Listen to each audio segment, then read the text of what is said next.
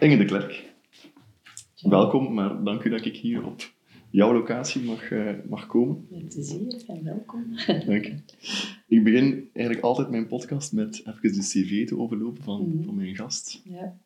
En je bent nu ongeveer, denk ik, 30 jaar arts afgestudeerd. Uh, ja, zeker. Wacht, oh, ja, moet zoiets zijn, inderdaad. Ja. Ik was op jouw LinkedIn aan het kijken ja. en je was afgestudeerd, denk ik, in 94. In 94 als arts afgestudeerd, inderdaad. Ja. Dat is mijn geboortejaar. Dus dat is, uh... Kijk je bent daarna neuroloog uh, geworden mm -hmm. in 99. Ja.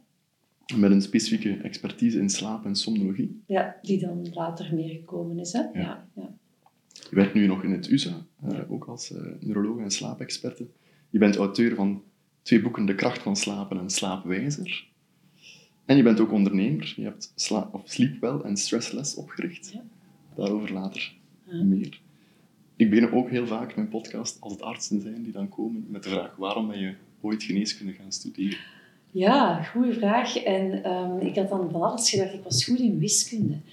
Uh, ik had ook zo'n sterke wiskundige richting gedaan. En uh, ja, mijn vader was burgerlijk ingenieur. Ik dacht van ja, dan ga ik burgerlijk doen. Hè. Um, dus dat ingangsexamen meegedaan. En het straffe was dat die wiskunde, al die uren wiskunde dan toch blijkbaar niet zo goed waren geweest. En ik was en voor het eerst in mijn leven op vijf van de zeven examens gebuist. dat was eigenlijk een hele goede eye-opener, want toen besefte ik van, dat is precies toch niet echt iets voor mij. En de grote zus van mijn vriendje toen, die deed geneeskunde. En toen opeens was ik zo naar mijn arm aan het kijken en zeg van, tja, eigenlijk is dat wel boeiend. Hè? Ah, ik wil eigenlijk weten wat er allemaal onder zit. en zo ben ik dan gaan, voor geneeskunde gaan kiezen. Van, eigenlijk wil ik wel, vind ik dat wel boeiend om te weten hoe dat het menselijk lichaam werkt. En, uh, en dat was de juiste keuze, Ja. want ik zou terug aan geneeskunde beginnen, denk ik. Moest ik, uh, moest ik opnieuw kiezen voor de studies. Ja. Waarom ben je dan neuroloog geworden? Dat was ook eigenlijk een beetje een gelijkaardig verhaal. Um, we waren aan het, uh, ik denk dat dan in het zesde jaar was, in der tijd hadden we nog zeven jaar geneeskunde. Hè. In het zesde jaar hadden wij stages en practica. Um, en we waren een zaaltour aan het doen met een neurochirurg, maar op de dienst neurologie. We kwamen bij een dame die een CVA gedaan had. En toen begon die neurochirurg haar te ondervragen. En was ook zo gefascineerd door het feit dat gewoon die persoon te ondervragen, je eigenlijk iets kon weten over het, he- over, over het brein, wat er in de hersenen gebeurde.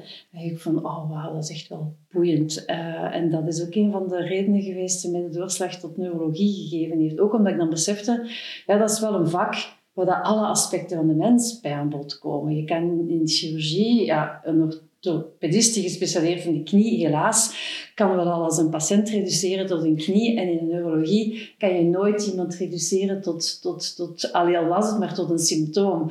En dus dat heeft er ook wel uh, mee te maken. Maar wel het feit dat je iets over het brein kon weten door met de mens te spreken, dat vond ik, dat vond ik heel boeiend. En Ja. dat is ook wel een van de belangrijke redenen geweest. Ja. Ja. Waar is die slaap eh, interesse ingekomen? Later, ik was dan aan het werk. Hè. Ik, heb dan, eh, ik heb toch 16 jaar als algemene neuroloog gewerkt in een Brussels eh, groot ziekenhuis. en ehm, naarmate de jaren daar vorderden, kreeg ik meer en meer mensen over de vloer met moeheid. Met klachten van slaapproblemen. En het straffe was dat wij in der tijd in onze neurologieopleiding geen vakken over slaap hadden. Mm. Zelfs, dat maakte toen niet deel uit van... En nu nog, hè, in veel uniefs is dat maar een keuzevak hè, in, in geneeskundige opleiding. Ehm, en dan dacht ik van ja, dat is eigenlijk wel boeiend, hè, slapen. En dan ben ik daar ook allerlei bijkomende opleidingen over gaan doen. Uiteindelijk ook het, het, eh, het certifierend examen gedaan en zo. Ehm, eh, voilà, en dus, dus, dus meer en meer vond ik dan ook van ja, ik ben als algemeen neuroloog bezig. Ik ben altijd heel erg bezig geweest met alles wat dat hersenen en neurowetenschappen was. Daar ben ik eigenlijk als, als neuroloog altijd wel het meest in geïnteresseerd geweest. Ehm, en toen ik geleidelijk aan meer en meer die slaapopleidingen deed ik ook beslist van, via een hele hoop omwegen wel van, ah, maar eigenlijk wil ik wel als neuroloog mij vooral bezighouden met stoornissen van slapen en wakker zijn, want die twee Mhm. dat ik ook al rap door, die zijn met elkaar verbonden. Dat maakt het extra boeiend ook.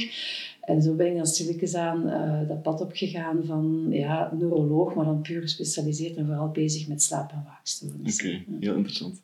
Ik heb zelf ooit een thesis geschreven over een stukje slaap. Mhm. En dat ging eigenlijk over we volgden transgender jongeren op tijdens de transitie. Ah ja, boeiend. En zij nemen dus de, de hormonen Ja. en we keken naar wat de slaap eh, ja, deed eigenlijk.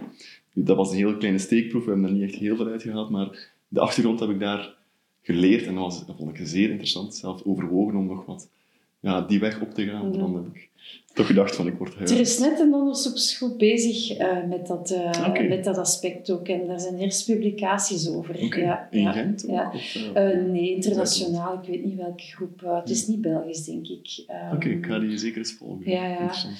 Zover dat zij resultaten hadden, bleken mannen die vrouwen werden, inderdaad dezelfde slaapproblemen als vrouwen te ontwikkelen, maar omgekeerd niet. Oké.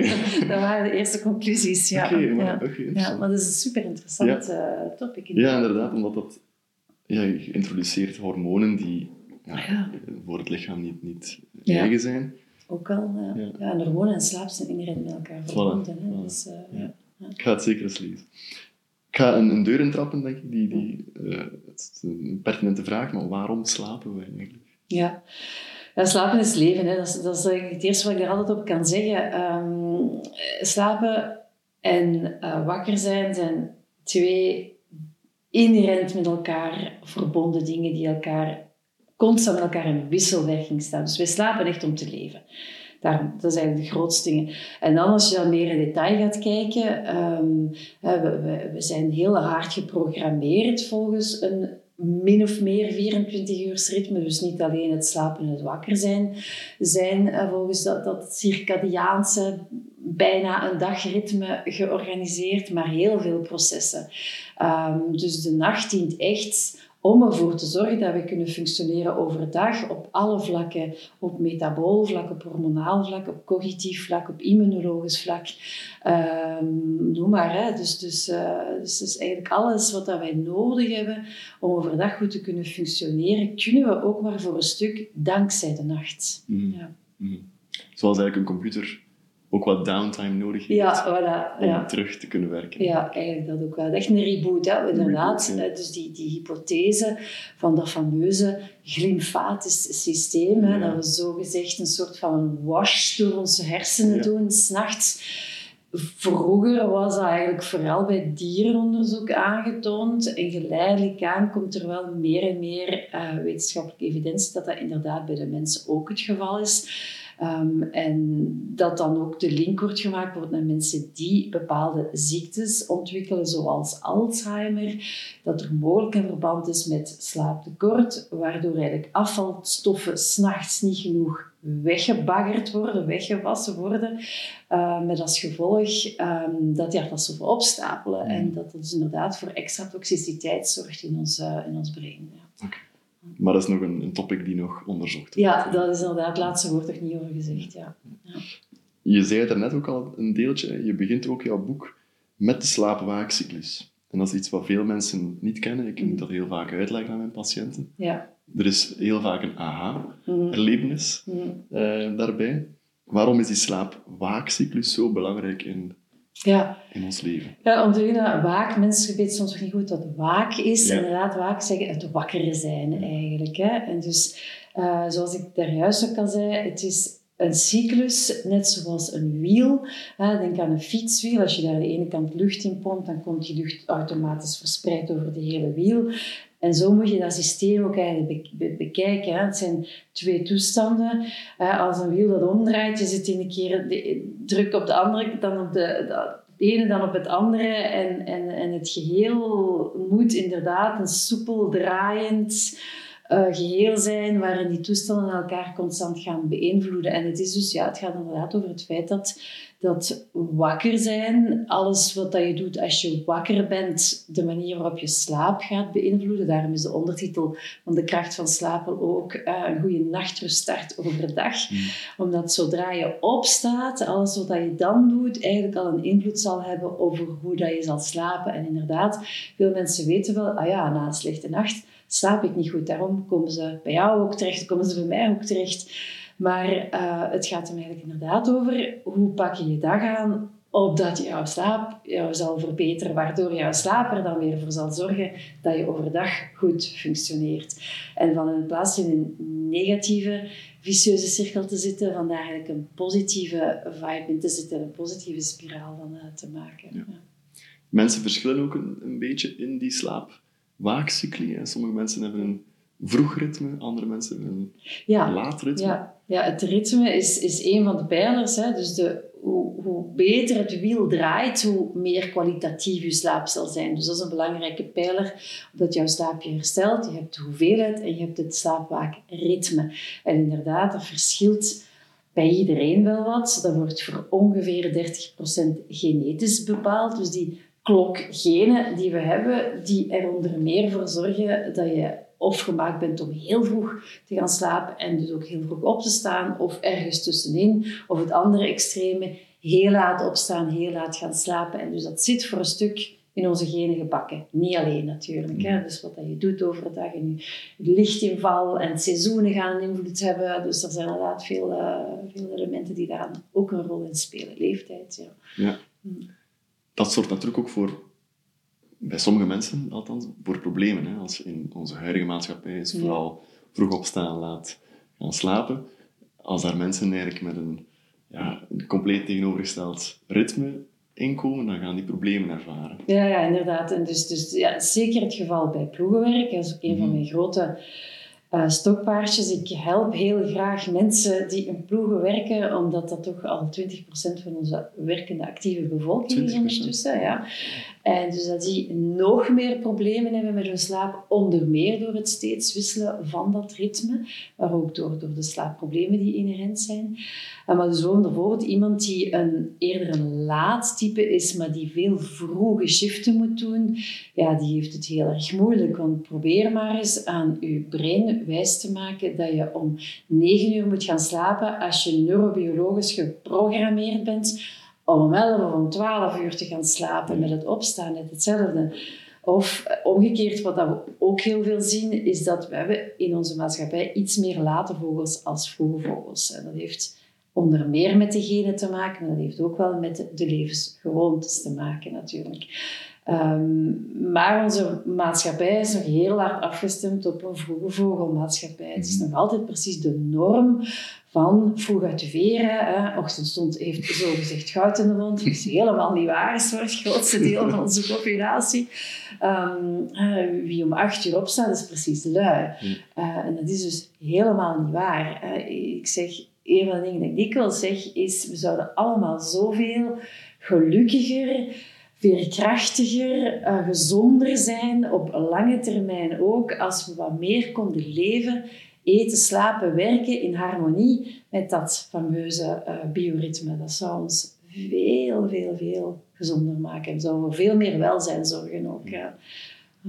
Ik ga nu springen naar het stukje sleep well en stress less. Ja. Is dat ook het doel van jouw, ja, jouw bedrijf en wat je uitdraagt? Ja, dat is zeker ook een doel van mijn bedrijf. Het, het grote doel is, dat, dat, is een heel mijn drijfveer en wat ik doe in het USA, maar ook in de bedrijfswereld is... Ik heb een expertise, ik kan die goed delen, ik deel die graag en ik wil inderdaad mensen helpen om beter te slapen en dankzij dat gezonder te zijn, meer energie te hebben op korte en op lange termijn waardoor dat je als bedrijf eigenlijk gaat zorgen voor je humaan kapitaal. Mhm. en daar is, dat, dat, dat, staat, dat staat vast in alle, zelfs leadershipsprogramma's van als je zorgt voor je humaan kapitaal, dan ga je zorgen voor een gezond bedrijf. Slaap is daar een essentiële pijler van en ik wil inderdaad mijn steentje daaraan bijdragen. En dat is inderdaad ook onder meer ja, bedrijven helpen niet alleen hun, werknemers beter te slapen, maar ook begeleiden in hoe ga je inderdaad zorgen voor een gezonder ritme en, en werkritme. Dat mhm. speelt daar zeker ook een rol in. Ja. Want in heel veel bedrijfsculturen, denk ik, is er nog steeds... Je moet hier zijn om, om dit uur en je moet lang werken en je moogt maar zoveel uur slapen. Of, of er, veel van die leiders, zeker op sociale media, Ja, zie je naar voren komen en zeggen van ik slaap maar vijf uur of zes uur. slaapmachos. Ja, slaap, slaapmacho's. Slaapmachos noem ik die. Eh, ja, want die betalen de prijs. Ja. Die betalen de prijs. Ehm, ik, ik probeer nu ook elke maand een blog te schrijven. Die komt dan op mijn website. Ik zet daar er eventjes iets over altijd op mijn, op mijn in- LinkedIn en mijn Instagram. De laatste gaat nu eh, over inderdaad dat slaaptekort. De prijs voor slaaptekort wordt betaald. Mm. En dat is meestal op lange termijn. Er zijn een aantal grote onderzoeken ook met heel veel data die op lange termijn gevolgd geweest zijn, uitgekomen. En ja, wie systematisch ehm, weinig slaapt, en dat is bijvoorbeeld minder, gemiddeld minder dan zes uur per nacht, gaat na 20 jaar eh, of 10, 20 jaar de kans op chronische aandoeningen aanzienlijk zien stijgen. En wat zijn chronische aandoeningen?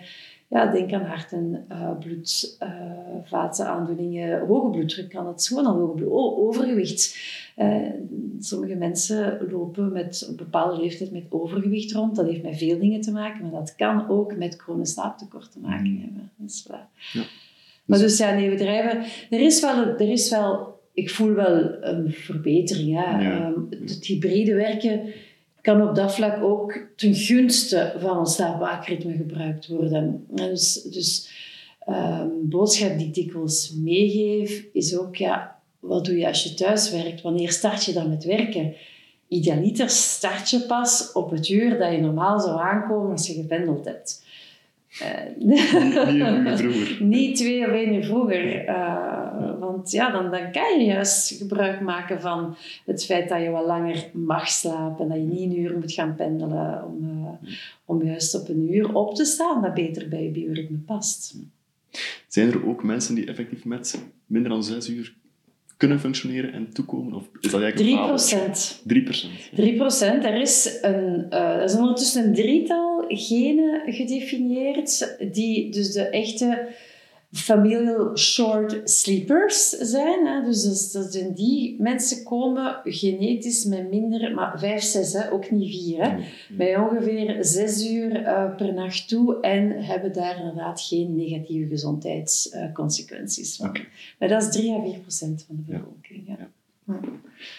Ik krijg heel veel patiënten over de vloer met klachten van moeilijk inslapen. Oh. Eh, Ze zeggen dan heel vaak, ik, ik leg mijn hoofd op het kussen en dan begint de malle molen gewoon te draaien. Ja. Hoe kunnen wij die mensen eigenlijk het best helpen? Ja. Eerste is, gaan ze op het juiste uur naar bed. 30% van de mensen die moeilijk inslapen, gaan te vroeg naar bed. Dus heel belangrijk, en dat staat ook in de boeken, ehm, kijk eens wat jouw juiste ritme is. Wanneer ga je best naar bed? En ik begrijp het, als je vroeg, te vroeg moet opstaan, dan zeg je, ja, ik heb toch zoveel uur nodig. En dat is ook dikwijls denk van, ik moet aan mijn acht uur geraken, terwijl voor veel mensen zeven uur ook al gezond is. Ehm, en dan gaan ze ter compensatie te vroeg naar bed. Dus heel belangrijk dat je naar bed gaat als je slaperig bent. Eh, twee is, jouw brein op een bepaald moment is gemaakt om te gaan slapen, maar je moet ook zorgen voor de juiste externe signalen.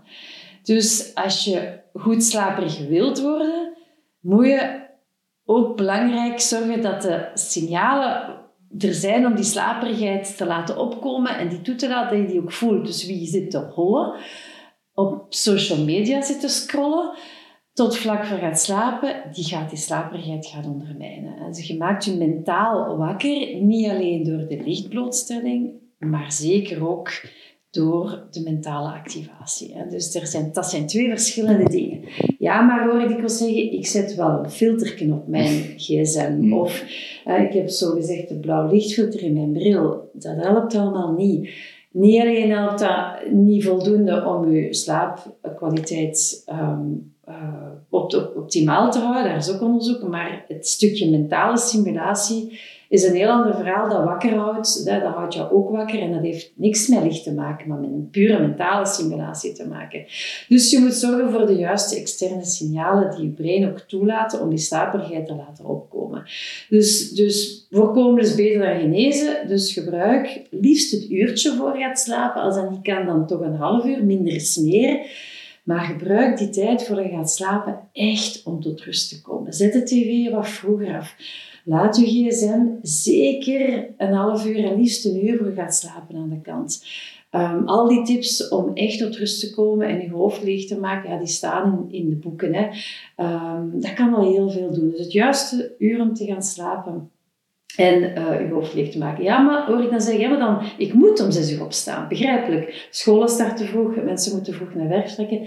Dan kun je in zekere zin zeggen, ja, maar dan is minder meer. Dus juist door extra voor te zorgen dat je tot rust komt, dat je stressniveaus naar beneden gaan, in het uur waar je gaat slapen en ga je misschien maar zes uur slaap hebben, ja, maar dan is inderdaad soms veel beter om te zeggen zes uur echt kwaliteitsvolle slaap, maar het is wel kwaliteitsvolle slaap. En, en, en dan ja, toch vroeg op moeten. En dan kun je eventueel in het weekend wel die slaap gaan inhalen. Maar dus daar heb je dan soms meer aan. Als het echt niet anders kan, van ja, je bent gemaakt om om 11 uur te gaan slapen, maar je moet toch om 6 uur op. Kijk, je hebt dan toch nog 7 uur gehad, maar zorg terecht voor, want wie kan er nu, allee, wie kan er nu niet om 11 uur naar bed gaan? Als je, en de meeste mensen moeten om 6 uur op. Dat is toch 7 uur. Maar zorg voor die 7 uur dat dat kwaliteitsvolle slaap is. En daar werk je aan in het uur voor gaat slapen, maar ook tijdens de dag natuurlijk. Hè. Dat is nog die, al die andere dingen dat je tijdens de dag kan doen. Als je met die twee dingen rekening houdt, kun je eigenlijk al heel veel doen. Um, voor um, voorkomen is beter als genezen. Voor die malle molen tot rust te brengen voordat je naar je bed gaat. Ja. Ja. En je gaat dan beter iets later naar bed. Maar je hebt er echt voor gezorgd dat je hoofd tot rust komt, dan gaat dat, dan gaat dat echt al heel veel baat aan hebben. Ja. Ja, want je spreekt in jouw boek over hyperarousal. Ah, dat is dan ook geen dat, je, dat je bedoelt eigenlijk. Ja, dat overwakker zijn, dat overprikkeld zijn. Want dat is inderdaad bij veel mensen niet alleen het probleem bij het doorslapen, maar ook bij het inslapen. En zelfs bij het te vroeg wakker worden. Dat voorkomen is beter als genezen. Als wie de hele dag loopt te hollen, hele dag de gaspedaal in, altijd maar hollen, hollen, hollen en we staan constant onder stress en onder spanning, dan word je letterlijk moe maar gespannen. Tired but wired, zeggen ze in het Engels mooi. Je bent helemaal opgespannen en je merkt dat s'avonds, je bent doodop. Je voelt echt van, ik, ah, ik ben zo moe, ik wil gaan slapen, maar het lukt niet. En dat is omdat het een elastiek te hard opgespannen staat de hele dag door. Dus je moet echt kunnen de gaspedaal loslaten. En dat zit hem dus zeker in dat uurtje voor je gaat slapen, maar ook weer in je dag. Heel veel korte momentjes van de gaspedaal loslaten, stress loslaten. En dat kan door één minuut te gaan ademen zijn of gewoon tussen twee vergaderingen even letterlijk tot rust komen, de gsm ook aan de kant laten dan. Dus al die kleine elementjes spelen daar ook een rol in. Hè? Dus, dus hoe meer dat je tijdens de dag af en toe een keer eens de gaspedaal kan lossen, ja, dat gaat ook weer een positief effect hebben om dat overprikkeld zijn van de nacht te gaan verminderen. Dus niet enkel het laatste uurtje voor je gaat slapen is van belang, maar eigenlijk ook tijdens de hele 23 uur ervoor. en daar speelt de vele kleine momentjes een rol in. Eigenlijk, Als mensen zich nog steeds gestresseerd voelen in dat laatste uur, zijn er dan technieken die ze kunnen doen om in dat uur ja rustiger te worden? Ja, veel. En er is natuurlijk geen, geen één ding dat voor iedereen werkt. Maar ademen, dat werkt heel goed. Bijvoorbeeld, hè, de, de, voorbeeld is de hartcoherente ademhaling. Dat staat ook uitgebreid uitgelegd in de boeken. Um, die een techniek is die zeker, uh, ja, toch wel, toch wel redelijk veel wetenschappelijke evidentie voor. Um, heel het autonoom zenuwstelsel dat overprikkeld is en wat de balans kwijt is, dat daar wel balans terug inbrengt. En wat al enkele basisprincipes zijn van, je gaat trager ademen, je gaat zes keer per minuut ademen. En wat voor mij het beste werkt en voor veel mensen is zorgen dat de uitademing langer is dan de inademing. Daar staan hele goede apps voor. En de gouden regel daarbij is, ga daarvoor zitten. Doe dat buiten je bed en slaapkamer. En als je dat, uh, de volhouder wint, dus als je dat een positief effect van op je slaap wilt hebben, moet je dat eigenlijk wel elke avond gemakkelijk al een kwartier aan een stuk gaan doen. Uh, dus ja, maar zo vul je dat uurtje wel gemakkelijk op. Want de meeste mensen zeggen, oké, ik ga geen tv meer kijken. Maar wat ga ik dan doen? Wel, ga zitten, doe een kwartier ademhalen. Mediteren werkt, maar een simpele avondwandeling kan ook al iets doen. Um, dingen opschrijven dingen uit je hoofd, het letterlijk van je afschrijven, daar een mindmap rond maken bijvoorbeeld. Dat zijn dingen die heel goed werken. Um, rituelen. Rituelen hebben zeker ook een zin. Um, rustig wat spulletjes klaarleggen. Um, ja, babbeltje doen met iemand. Er zijn, zijn heel, veel, heel veel dingen die stretchen. Dat zie ik elke avond toe. Ik ga elke avond, ook al is het laat, gewoon even gaan ademen en wat stretchoefeningen doen. Dat hoeft dan maar vijf minuten te duren, maar dat kan eigenlijk ook al heel waardevol zijn. Die dingen bouwen wel op. Uh, het belangrijkste is van die rituelen, zonder daar een dogma van te maken, te incorporeren in, in je levensstijl eigenlijk. Ja? In, in hoe dat je je avond doorbrengt. Ja, dat is belangrijk. Sommige van mijn patiënten gaan nog snel even een loopje gaan doen, of snel nog, snel nog even gaan fietsen, ja. om toch nog na het werk een beetje te kunnen sporten. Maar die mensen hebben dan ook soms last om in slaap te vallen. Met de nadruk op snel, hè? Ja, gehaast, ja. Ja, gehaast. dat is logisch dat dat niet gaat werken. Ja. intensief sporten, ook daar, ik zeg dan wel altijd van, ja, dat, is een, dat, is, dat kan heel verschillend werken. Hè? Ik kom inderdaad ook in mijn, in mijn opleiding, in de bedrijven, veel mensen tegen zeggen, ja, maar als ik s'avonds ga lopen, dat werkt echt. Ik neem een douche en ik in bed, ik ben ontspannen en het lukt. En ik val heel rustig in slaap. Terwijl iemand anders inderdaad gaat zeggen, zoals jouw patiënten, oeh, ja, uh, daar ga ik pas echt niet slapen. En daar zijn verschillende redenen voor. S'avonds intensief sporten. En de regel is liefst niet heel intensief sporten tot anderhalf uur voordat je gaat slapen. En de reden waarom dat, dat activerend werkt, is als je heel intensief sport, gaat je centrale temperatuur omhoog, terwijl die naar omlaag moet. Uh, intensief sporten s'avonds kan je melatonineproductie juist verlaten en verminderen. Je gaat je hartslag, je bloeddruk, uh, alles verhogen terwijl je moet verlagen. En ten laatste, die intensieve sport kan uh, ja, dopamine en endorfines doen aanmaken. En dopamine en endorfines zijn wakkermakende mm. Dus dat zijn vier redenen waarom dat je eigenlijk s'avonds intensieve sport jou kan wakker maken. Ja, Dus liever niet. Maar wandelen, zwemmen, um, ja, zo, dingen die rustgevend werken, yoga uiteraard, uh, zijn allemaal wel heel goede dingen. Maar het woordje snel en gehaast valt er beter vanaf. Ja. In mijn thesis leerde ik ook over uh, zeitgebers, tijdsaanduiders. Ja. Um, beweging is daar één van. Mm -hmm. uh, maar ik denk dat de meest gekende en ook de sterkste licht zal zijn. Ja. Um, mijn vriendin woont in het hoge noorden, ik had het al gezegd, die woont in Finland. Um, daar wordt het in de winter soms ja, zeer donker, lang donker. En ja, ze heeft soms maar een paar uur per dag om, om licht uh, binnen te krijgen. wat kan zij doen, of wat kunnen wij doen? Want het wordt ook winter in België en die winters zijn niet altijd zo fijn ook. Ja. Hoe kunnen wij het licht die we hebben gaan gebruiken om overdag wakkerder te zijn ja. En s'nachts beter te slapen? Ja, dat is een heel belangrijke. Hè? Dus we hebben die fameuze centrale klok in ons brein zitten. Hè? Die zit daar in die hypothalamus. Dus, hè? Dus, en die klok... Um, die, ja, die, die werkt op zich heel goed. Die, maakt, eh, die zorgt ervoor van zijn eigen dat we gaan slapen en wakker zijn, maar die heeft inderdaad de juiste externe tijdssignalen nodig. En het juiste licht op het juiste moment is daar een essentiële van. En dus inderdaad, het is in theorie heel simpel. We hebben daarvoor heel veel daglicht of het equivalent van daglicht nodig vanaf dat we wakker worden. En dat zeker in de ochtenduren. En we hebben eigenlijk verspreid over de dag twee uur daglicht nodig. Terwijl we s'avonds eigenlijk donkerte nodig hebben. Dim gedimd licht, uh, zacht licht. Uh, en dat liefst vanaf twee uur voor je gaat slapen. Um, maar inderdaad, in de praktijk is dat heel moeilijk. Um, zeker in het hoge noorden heb je maar een paar daglicht. Dan ben je meestal juist binnen in de slecht verlichte ruimtes. Dus we kunnen één proberen van zoveel mogelijk buiten te gaan als er daglicht is. Dat is echt een gulden regel, want het daglicht is altijd juist. Zelfs op een bewolkte dag is het buiten soms tot 200 keer lichter als binnen. Uh, of toch zeker tot 100 keer lichter als binnen. Dus daglicht heeft altijd de juiste kwaliteiten. Maar je moet eraan komen, dat is een mhm. feit. Lukt dat niet, dan um, kan uw kunstlicht een rol spelen, maar daar is nog heel veel werk aan de winkel. Maar je hebt ondertussen wel intelligentere lichtsystemen uh, die wel dat daglicht kunnen nadoen. Uh, knippen of niet, maar het Hue-systeem van Philips is bijvoorbeeld uh, een betaalbare optie.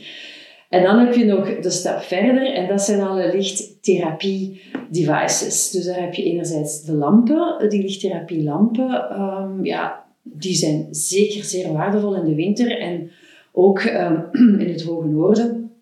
En daar is belangrijk dat je die in de ochtenduren het meest gaat gebruiken. Dus als je um, een, een, goede lamp hebt en je gebruikt die in een tijdsvenster tussen 10 en 11 uur gedurende 40 minuten, dan heb je eigenlijk al enorm equivalent binnen. Dat kan ook voor die twee uur al, um, al, veel, uh, al veel goed doen eigenlijk. Ja, dus je hebt hier een bureau, tegenwoordig ook de draagbare lichtbrillen. Mm -hmm. um, daar heb je een Belgisch bedrijf die een heel goed, uh, de Luminet, die een heel goede maakt. Dus ook daar, um, het, moet wel met licht opletten dat je dat, want licht kan ook je bioritme veranderen.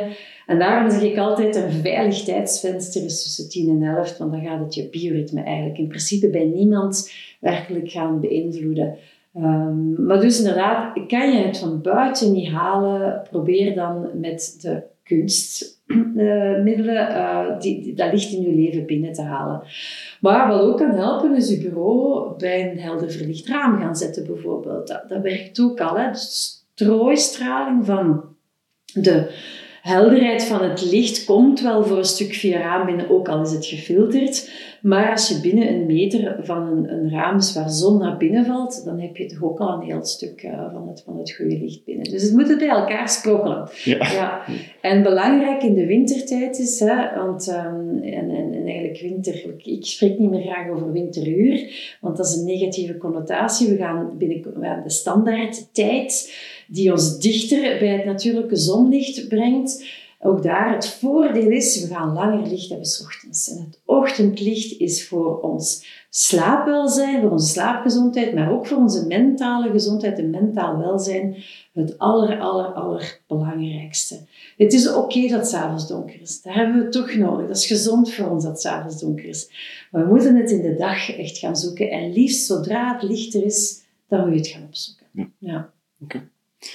Ehm, je wil s ochtends licht sprokkelen, ja. maar je wil s'avonds eigenlijk zo weinig mogelijk licht sprokkelen. Ja. er zijn heel veel lichtbronnen die we s'avonds gebruiken, die ook onze slaap kunnen verstoren. En zoals gsm's, tablets, laptops en, tv's. Hoe kunnen we ons daarvoor wapenen? Ja. Dus één, er jezelf minder mee confronteren. Dat is natuurlijk al het gemakkelijkste. Gewoon zorgen dat je ze, dat je ze vermijdt. Bijvoorbeeld voor mezelf, in de mate van het mogelijke zet ik mijn gsm om 9 uur in de vlucht, in de vliegtuigmodus. En dan denk ik gewoon van, ik vind, ik beslis dat ik nu niet meer bereikbaar hoef te zijn. En dat brengt ook veel mentale rust. Hè. Dat is een heel belangrijke factor in. Dat is niet altijd mogelijk, maar dat is ook een van de dingen die ik altijd meegeef. Zoveel als mogelijk. Uh, dat, is, dat is een hele belangrijke. TV op zich is niet zo een probleem. Um, er zijn natuurlijk, ik zeg het, als je inslaapprobleem of slaapprobleem hebt, dan is het toch wel een nuttige om een half uurtje vroeger de tv uit te zetten. Maar als jij wel uh, goed kan ontspannen van tv, in alle eerlijkheid met jezelf, let er dan wel op dat je niet in donker naar tv zit te kijken. Want wie in een donkere kamer naar tv kijkt, die zal de, de, de, die zal veel meer gestimuleerd worden door het licht van de tv. Dus zorg dat er sfeerverlichting in je woonkamer is. Kijk ook geen tv vanuit je bed. Een hele belangrijke. En die nieuwe tv's, ja, die hebben heel veel leds, die hebben heel veel blauw licht. Daar raad ik wel aan van de luminositeit wat lager te zetten en zeker er ver genoeg van af te gaan zitten. En voor de rest, ja, alle filters op gsm's, op uh, iPods en dergelijke, die werken, maar die werken ook weer niet genoeg. Dus um, ja, probeer, probeer er toch zo ver mogelijk van af te blijven. Dat, is, uh, dat is wel belangrijk. Kan zo een, een bril met een filter iets teweeg brengen? In de klassieke brillen zitten veel blauwfilters, maar die filteren maar 20% van de blauwe uh, lichtstralen weg, want het blauwe spectrumlicht je hebt de oranje brillen die wel goed werken. Daar zijn er een aantal die echt wel 95 tot 99 procent van de helderheid en de blauwe stralen wegfilteren. Dus ja, dat doet ook wel iets. En uh, daar maak ik veel gebruik bij van bij mensen die hun bioritme naar voren willen halen. Hè. Want soms is het wel nuttig en haalbaar ook om je bioritme een beetje te herprogrammeren. Dat kun je doen. Dat is niet even gezond als voor je volgens je eigen bioritme uh, leven, maar dat kan wel. Dus dat is al chronotherapie, dat gaat misschien de scope van de podcast te buiten. Maar we kunnen dat wel doen. En die, die donkere bril, ik noem dat een donkerbril, uh, die oranje brillen, die, die kunnen daar wel een nut bij hebben. Maar ook weer, ze halen de mentale stimulatie niet weg.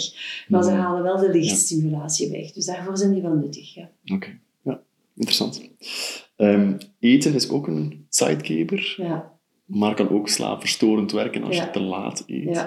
Wat zijn daar de protocollen of de tips rond? Ja, dus inderdaad, dat werkt ook in de twee richtingen. Belangrijk is, um, we hebben het er ook niet echt over gehad, hè, maar dus hoe duidelijker je aan je brein en je lichaam het signaal geeft om s ochtends te zeggen, nu is het tijd om wakker te worden. Hè, hoe duidelijker je je waakknoppen aanzet, s ochtends, hoe beter je zal slapen. En dus het ochtendlicht is een hele belangrijke om die waakknop aan te zetten, maar ook een gezond ontbijt. Mhm. Dus een gezond ontbijt, eten s ochtends, is voor heel veel dingen heel nuttig voor ons welzijn. En dus ook voor je slaapwelzijn. Dus wie een gezond ontbijt eet, zal beter slapen. Uh, dus trage suikers, vezels, een beetje eiwitten, dat is in grote mate gezond ontbijt. En s'nachts vooral niet nooit eten. Uh, dus we zijn niet gemaakt, uh, s'nachts eten is heel verstorend voor heel veel dingen, voor je metabolisme, voor je slaapgezondheid. Dus uh, liefst ook als je s'nachts wakker bent, dus liever niet dat warme melkje gaan drinken, eventueel wel een glas water of een kruidentheetje, dan ongezoet. Als je heel erg veel dorst hebt, dat kan natuurlijk wel. Maar dus, um, dus dat is een belangrijke. En natuurlijk, waaruit je avondmaaltijd samengesteld is, dat kan ook wel rol spelen. En vooral liefst toch niet meer eten, drinken um, vanaf een tweetal uur voordat je gaat slapen. Dat is ook wel belangrijk. Hè? Ja. Mm, Snelle suikers s'avonds zeker vermijden, want die zijn heel erg slaapverstorend. Ja. Dus geen snelle suikers s'avonds. Nee, ik doe toch een paar dingen fout, blijkbaar. Ik, ik ontbijt bijna niet en uh, ik eet heel laat. Dus ah, uh, ik ga er moeten aanpassen. Ik kan er iets aan doen. Uh, want ik zie soms, ik, heb, ik draag nu zo'n Whoop. Uh, De devices zijn natuurlijk heel in. Ja. Uh, in jouw boek schrijf je ook dat de devices soms meer nadelen, voilà, nadelen brengen. Um, zijn er op de markt bepaalde devices die eigenlijk accuraat genoeg zijn om daar iets mee te doen? Of? Voor, de, voor hoeveel je slaapt wel. Dus daarvoor kunnen ze wel ingezet worden om te kijken hoeveel je werkelijk slaapt. Dus daar kunnen ze wel echt iets zeggen. En inderdaad, ik ken het mensen die zeggen, ik gebruik het om mijn slaaptekort te monitoren. um, dan heb ik weer een week op call, letterlijk. en dan besef ik dat ik iets moet doen aan mijn slaaptekort. Maar ze zijn toch nog altijd niet goed genoeg om te zeggen hoe goed je hebt geslapen. Dus ik kan aan iedereen uh, toch wel op het hart drukken van gebruik ze niet om, uh, om, om, om een idee te hebben van ah, ik heb zoveel diepe slaap gehad. Remslaap misschien, maar toch zeker niet diepe slaap. Of, of zeggen van ah, ik heb maar zo goed, maar ik heb, of een algemene score over je slaapkwaliteit niet doen. Mm. Het is toch nog altijd niet betrouwbaar en dikwijls toch meer in de negatieve zin dan in de positieve. Ja, ja. ja want als ik nu over mijn eigen ervaring spreek, als ik dan een hoge score heb, dan ben ik relatief blij, maar daar blijft het ook bij. En als ik dan een slecht score heb, dan ben ik er ook wel echt geïrriteerd door. En eh, dan denk ik, allee, waarom heb ik nu een slechte score? Voilà, en dan dus, kun je slecht voelen gewoon, maar je slechte score hebt, terwijl je objectief gezien waarschijnlijk wel goed geslapen hebt. En, en, dat is ook een hele belangrijke, waar ik inderdaad heel veel aandacht aan wil geven. Dat is die, die, die, die, die, die, die, die kracht van je eigen positieve gedachten. We kunnen ons cognitief echt restructureren en heroriënteren. En, en, en daar is ook onderzoek over. Wie negatief denkt over eigen slaap, zal meer last hebben van moeheid en van cognitieve klachten. Um, dus je, je kan jezelf echt de dieperik denken. En, en dus wie negatief, die, die negatieve spiraal voeden van ah, ik slaap, zeg, het zal weer niet gaan vandaag Terwijl als je inderdaad, als jouw trekker inderdaad dat beeld geeft van je hebt slecht geslapen, dan ga je dat meenemen over je dag. En dus die negativiteit gaat je onderdrukken. Terwijl inderdaad je waarschijnlijk misschien veel beter had geslapen, of eigenlijk goed had geslapen. En je had een goede dag tegemoet kunnen gaan als je niet met die negatieve nood hmm. was gestart. Dus gewoon opstaan en ook al ben je van moe, en het is ook normaal van moe gevoeld te hebben bij het opstaan, dat hoeft niet te zeggen dat je slecht geslapen hebt. Het is normaal om een beetje tijd nodig te hebben vooraleer dat je je energiek voelt. Hè. Die cortisol-ontwaakrespons, dat duurt 30 à 45 minuten eer dat die optimaal is. En die heb je nodig om je energiesystemen aan te zwengelen. Dus ook daar geef ik graag een geruststellende gedachte mee van het is oké om moe wakker te worden. Mm. maar ga, als het daglicht er is, ga dat daglicht opzoeken. Stretch voordat je opstaat. Geef signalen die helpen om jou wakker te maken. En dan gaat je energie aanzwengelen. Maar ga, begin niet te scrollen op je gsm vanaf dat je opstaat. Dat, dat slurpt je energie op voordat je goed en wel wakker geworden bent. Dus het is ook heel belangrijk dat je inderdaad met de dag start. Mhm. En met een tracker-informatie de dag starten is geen goed idee. Duidelijk. Ja. Ehm, je sprak daar over mensen die eigenlijk een heel negatief beeld hebben over hun eigen slaap. Mhm. Hoe kunnen zij, dat is nu een heel brede vraag natuurlijk, iedereen is anders, maar hoe kunnen zij dat, dat wiel of die negatieve spiraal toch ombuigen naar iets positiefs? Ja, dat, dat is ook een van de eerste stappen in de slaapwijzer, die een zelfhulpboek is. Um, neem een bladje papier, een post-it. En ook weer met de positieve boodschappen die vandaag in de podcast staan, bijvoorbeeld, of die ook in de boeken staan.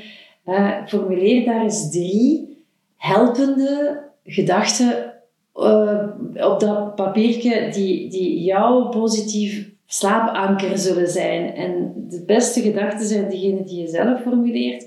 Maar een aantal voorbeelden zijn, iedereen is gemaakt om te slapen. Dus ik ook bijvoorbeeld. Of de beslissing nemen van vanaf nu ga ik nooit meer klagen over slecht slapen. Want het is dat klagen die de negatieve frustraties en de negatieve emoties voedt. En de negatieve emoties zijn dan weer stress. En het is de stress die je in je negatieve cirkel houdt. Dus van jezelf gewoon zeggen vanaf nu ga ik doen en doen en zeggen Oké, okay, zelfs als iemand mij vraagt, mm -hmm. hoe heb je geslapen, zeg van, oké, okay, ça va, goed genoeg.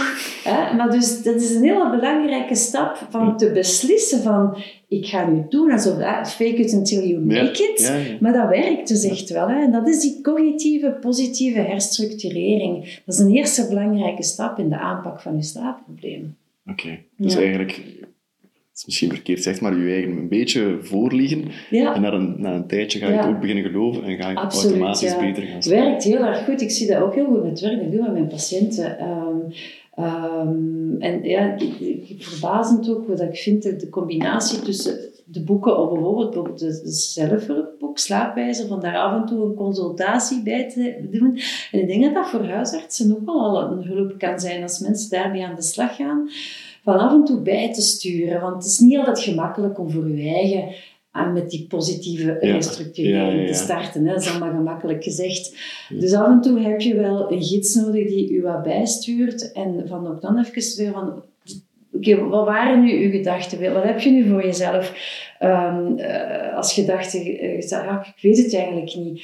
Van, van ook even uw patiënt bij te staan in... Oké, van voordat hij naar buiten gaat, van één minuut of twee minuten te nemen van, zit al eens een, wat is er al één van zo'n gedachte?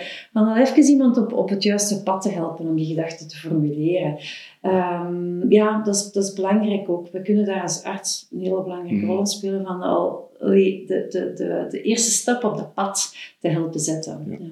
Ja. ja. ik, ik, vanaf nu en al een paar weken daarvoor geef ik eigenlijk heel vaak jouw boek mee mm. als tip voor mensen die echt slecht slapen. Om, om er zelf mee aan de slag te gaan. Want dat is natuurlijk ook nog het, het beste van al. Is dat mensen er zelf eigenlijk hun eigen kracht in vinden en hun eigen manier van ja. Uh, slapen erin vinden. Ja, dat is het eigenlijk. Het gaat, gaat er echt over. Het is, soms heb je, je hebt dikwijls een gids nodig, maar ik heb ook al inderdaad mensen gehad die...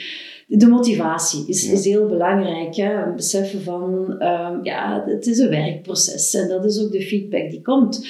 Um, je beseft dat je even in je eigen leven moet gaan kijken en je moet wel willen van hier en daar dingen gaan resetten, dingen gaan veranderen. Dat vraagt inderdaad wel wat wilskracht. Maar ook elke kleine stap is een winnende. Maar je moet het wel opbouwen natuurlijk, dat is een hele belangrijke. Maar onlangs heb ik weer iemand gehad die al 30 jaar met slaapproblemen rondliep, maar die wel echt stap per stap En echt volgens etappe volgens etappe uh, met de slaapwijzer aan de slag is gegaan. En zegt, ik heb eindelijk een doorbraak. Dat is fantastisch, hè? Dat vind, ik, vind ik echt heel mooi. Super. Dus het kan wel. Het kan echt. Je moet er mee geloven. Ja. Het is vaak heel confronterend voor mensen. Hè? Want ze hebben het heel vaak zelf in de hand. Mm. En dat beseffen we te weinig, denk ik. Ja. En zoals je zegt, het begint overdag. Wat je overdag gaat doen. Ja. Dat is confronterend voor veel mensen. Van, ja, eigenlijk let ik niet goed op mijn, op mijn eigen lichaam. Ja. Ik zorg eigenlijk niet goed voor mezelf. Ja. Vaak gaan mensen daarom ook heel snel over naar een slaappil. Ja. Ja. Ja. Wat is jouw standpunt Ja, ja mijn standpunt die? is, is, is vrij gekend. Hè. Het slaap komt niet uit een doosje. Ja. Ehm, en dat is letterlijk zo. Ehm, die pillen, dat is boter aan de galg. Het Hmm. is letterlijk boter aan de galg. En er is misschien een heel klein deeltje van hardnekkige slaapstoornissen. Daar is het inderdaad ook een van de indicaties voor dat je wel iets kan eh, doen. eh, maar dat neemt nooit weg in geen enkel geval dat eh, aan de slag gaan met de levensgewoontes, met de mindset, met de cognitieve restructurering, dat dat altijd een onderdeel van de aanpak zal zijn. Ehm, en, en ja, dat vraagt tijd, maar dat is oké, dat mag. En ik denk dat een heel belangrijke is ook ehm, voor, voor, voor artsen om mee te geven aan de patiënt. Er is een uitweg, die is er niet onmiddellijk, maar je kan al met kleine stapjes beginnen.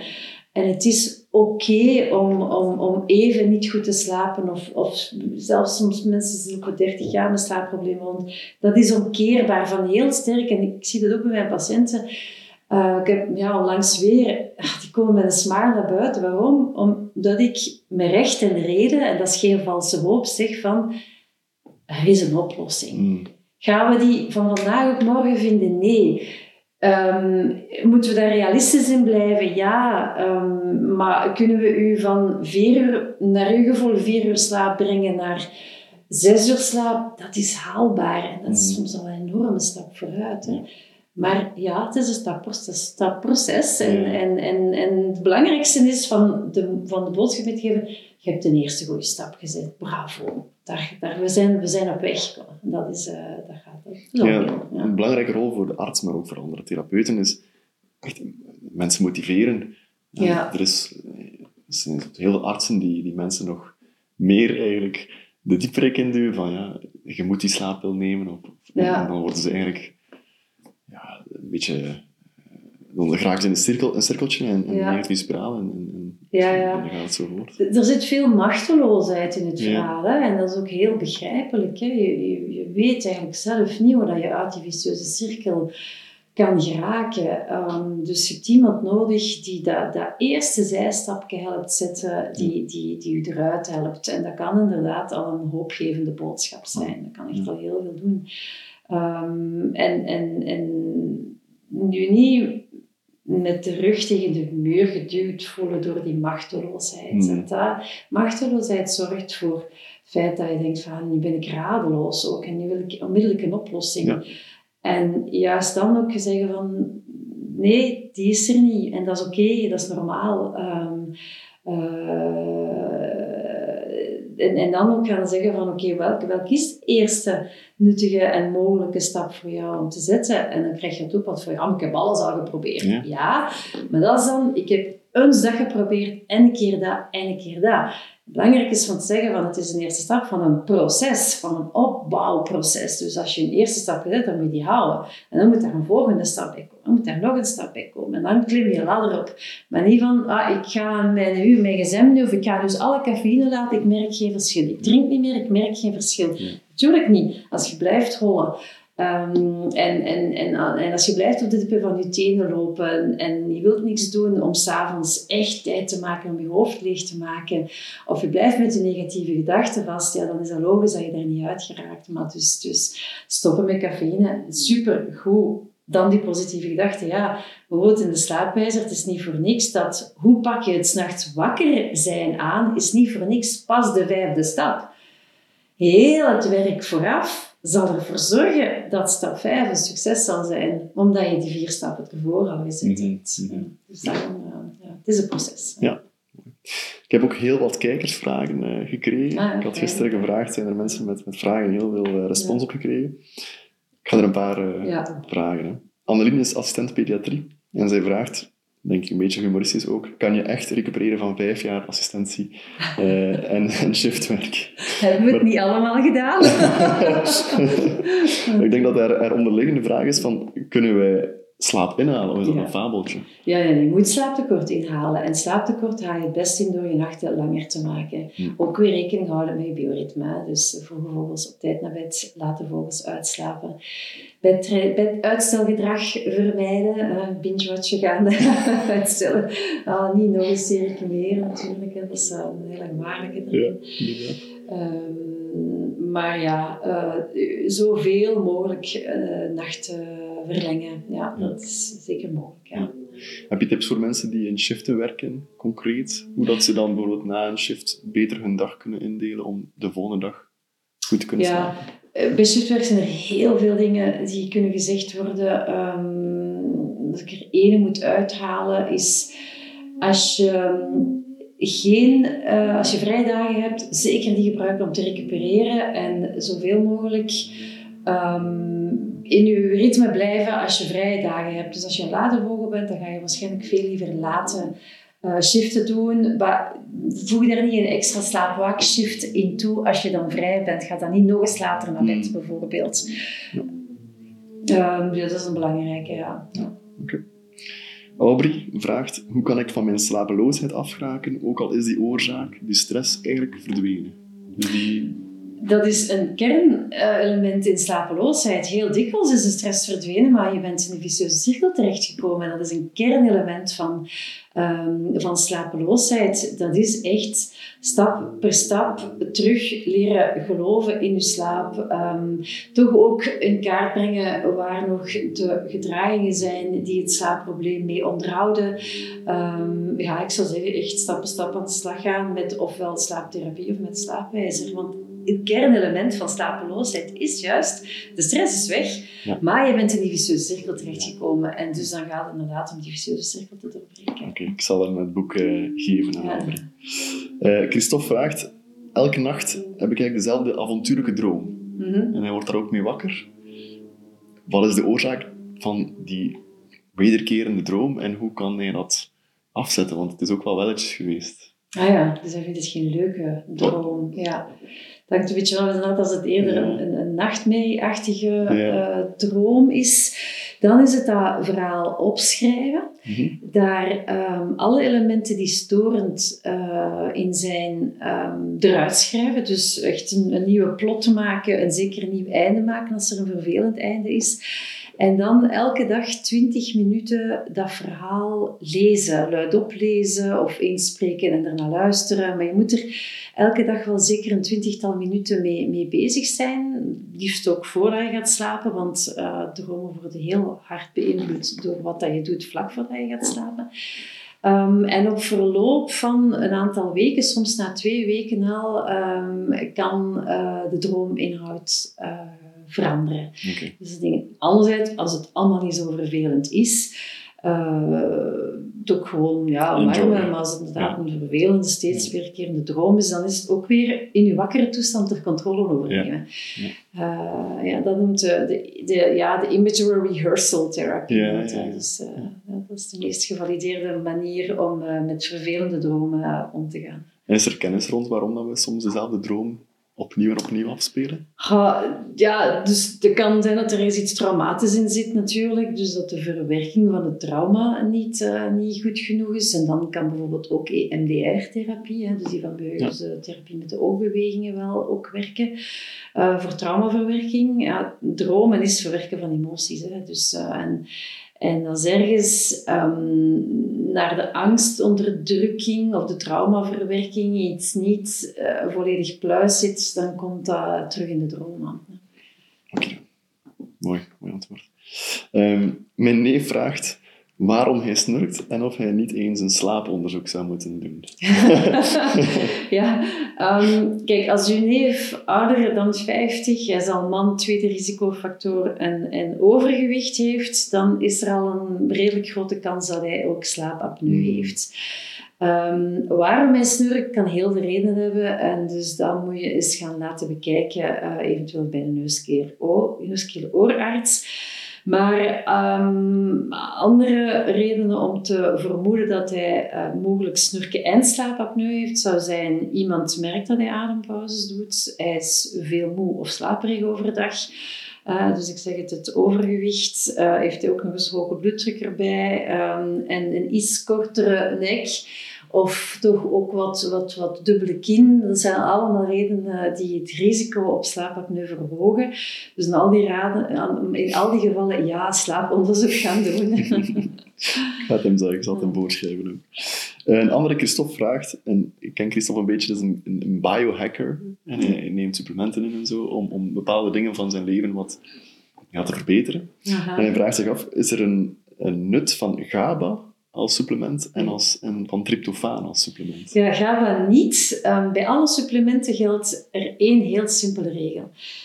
We zijn biochemisch complex en het uh, middel of de substantie innemen als supplement, daarvan kan je nooit weten hoe het verwerkt wordt in je lichaam en hoe het uiteindelijk door die fameuze bloed-hersenbarrière gaat en gaat inwerken op je brein. Uh, dus, dus de complexiteit van hoe het verloopt in ons lichaam is niet gegarandeerd correct nage, nagemaakt als je het als pilletje inneemt. En dus GABA, geen enkele wetenschappelijke evidentie voor. Tryptofaan, altijd mee opletten, want tryptofaan, als je daar niet de juiste cofactoren bij neemt, zijn bepaalde B-vitamine, dan kan tryptofaan wel eens een hele, op een hele andere manier verwerkt worden, die fameuze kinorenine-pathway. En daar komen toxische neuro neuropolieten, uh, Okay. binnen, metabolieten, neurotoxische metabolieten bij Ja. vrij. Dus uh, tryptofaan kan zelfs toxisch zijn als je als supplement neemt. Dus ik ben ook eerder voorstander van, van het ervan af te blijven. Er is ook geen wetenschappelijke evidentie dat jouw slaap zal verbeteren. Oké, Ja. ja. U wezen gewaarschuwd, hè, Christophe? Ja. Ehm, dat is mijn vraag dan nog. Wat met melatonine? Is Ja. daar evidentie voor? Ja, relatief weinig. Ook hier weer, hè, melatonine is een zeer complex hormoon. Uh, de werking endogeen van melatonine, oh, we zijn er nog niet aan uit. Neem maar eens een review erbij. Mhm. Uh, ik heb onlangs ook weer een hele hoop dingen zitten nalezen over melatonine en cardiovasculaire risico's bijvoorbeeld. Uh, het laatste woord is echt nog niet gezegd, het is nog niet uitgepluist, maar het komt erop neer dat ook weer, we maken het zelf aan, het heeft voor een stuk een perifere, voor een stuk een centrale werking. Um, en het heeft een panoplie aan effecten in ons lichaam, bijvoorbeeld ook waarschijnlijk interactie met de insulinewerking. Dus ook daar weer geldt het van, ja, uh, het is te kort door de bocht om te zeggen, het helpt om te slapen, dus ik zal het maar pakken en dan ga ik beter slapen. En ook, er is voldoende onderzoek dat heeft aangetoond, je moet dat niet gaan gebruiken als hypnoticum. Dus het is eigenlijk zelden effectief als middel om je slaap te verbeteren. Er zijn een aantal condities waarin dat we het minder maken. Alzheimer bijvoorbeeld, neurodegeneratieve aandoeningen, uh, menopauze typisch. En bij kinderen met autisme spectrum en ADHD zouden ook gevallen zijn waar dat het endogeen minder goed werkt. En daar is een bepaalde beperkte evidentie dat in bepaalde gevallen het wel wat kan doen als supplement. Altijd lage dosissen pakken. 2 milligram, dat is 3 milligram. Ja, ja. Meer moet dat niet zijn. Um, we, we, gebruiken het wel ook om bioritmes te herprogrammeren, weer in die fameuze chronotherapie, ja. dat wel. En een heel specifieke indicatie, ook wel dat over ploegenwerk. Nachtwerkers die overdag moeten slapen, 2 milligram nemen voordat je gaat slapen, s ochtends. Daar kan het bij sommige mensen ook wel vrij heilzaam zijn. Dus dat is ook weer een mooie indicatie. Maar nooit beginnen van, ja, 2 milligram werkt niet, ik zal dan maar vijf of tien pakken. Hè? Want in, in de States bijvoorbeeld mm -hmm. staat dat gewoon tussen alle supplementen te verkopen. En meestal in 10 milligram. Dus 10 milligram. Ja, de gemakkelijke basisdosis is meestal 10 milligram. veel te veel. Hè? ja. Ja. Ja. Dus eh, die dingen kunnen ook toxisch zijn. We weten Ja. gewoon nog niet. Ja. Mijn laatste vraag eh, van de kijkersvragen. Marion vraagt, hoe kan ik met een beter humeur opstaan? Dat is mijn vriendin. Ehm, je spontaan laten wakker worden kan daarvoor helpen. Ehm, muziek Mhm. en een lichtwekker. Lichtwekker, zeker voor mensen die systematisch wat te vroeg moeten opstaan ten opzichte van hun eh, bioritme. Eh, voor een lichtwekker is ook wel aangetoond dat het het ochtendhumeur kan verbeteren. Dan sta je echt letterlijk op met het zonnetje. Met zon. En wat licht van de opgaande zon in je kamer, dat kan ook helpen. Er is net een studie uit over snoezen. Ik weet niet of die bij jou al gepasseerd is. Nee, maar, nee, nee. eh. Waar dat... ehm, maar ik heb de studie geanalyseerd en ik vind dat er, ze, hebben voor een aantal dingen niet goed gecontroleerd.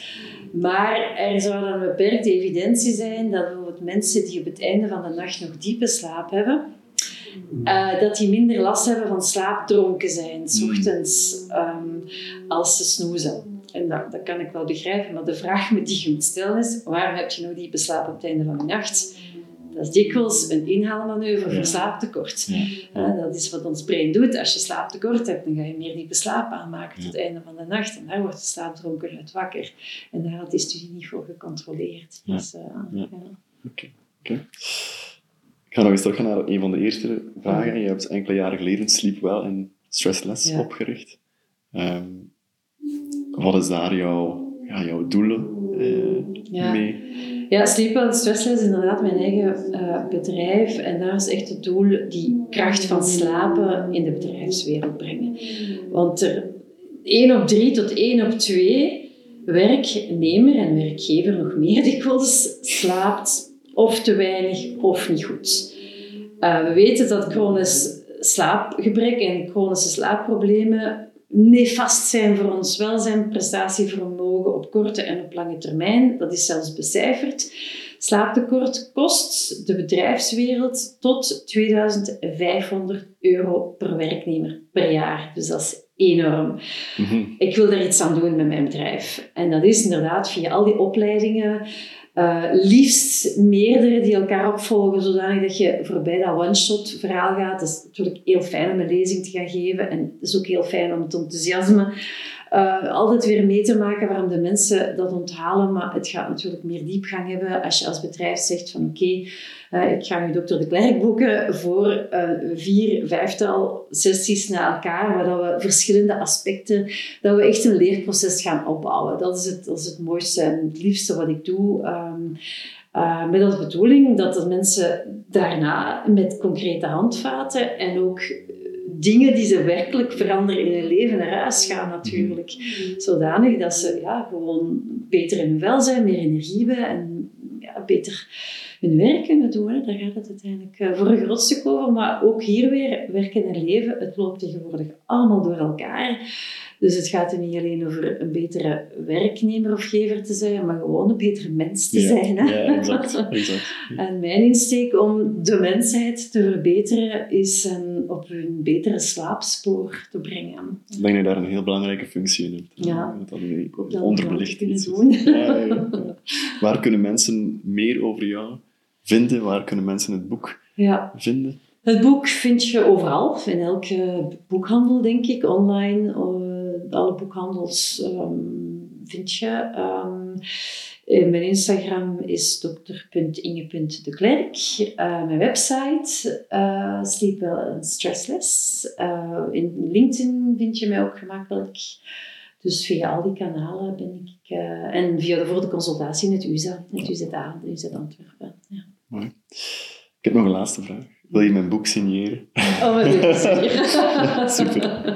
Mag ik u super hard bedanken voor de heel aangename, heel interessante podcast. Het was heel leuk. Eh, nee, jij bent ook bedankt. ja, nog één vraagje dat ik nog niet eh, gesteld Er is een volgend boek eh, op komst. Ja, er is een volgend boek op komst. ehm, waar ik de nadruk leg op brainrust. In de zin van die red race van ons leven, het hollen, het hollen. We zijn echt... ieder- we, zijn te veel aan het hollen. We staan aan, we staan constant aan. eh, letterlijk en figuurlijk. En ik ben... eh, gaan nazoeken, ben op zoek gegaan naar wat doet dat met ons. En ik heb er eigenlijk best wel veel over gevonden, wat dat met ons doet, met onze gezondheid, met de gezondheid van ons hersenen, ons cognitief functioneren, onze gezondheid in het algemeen.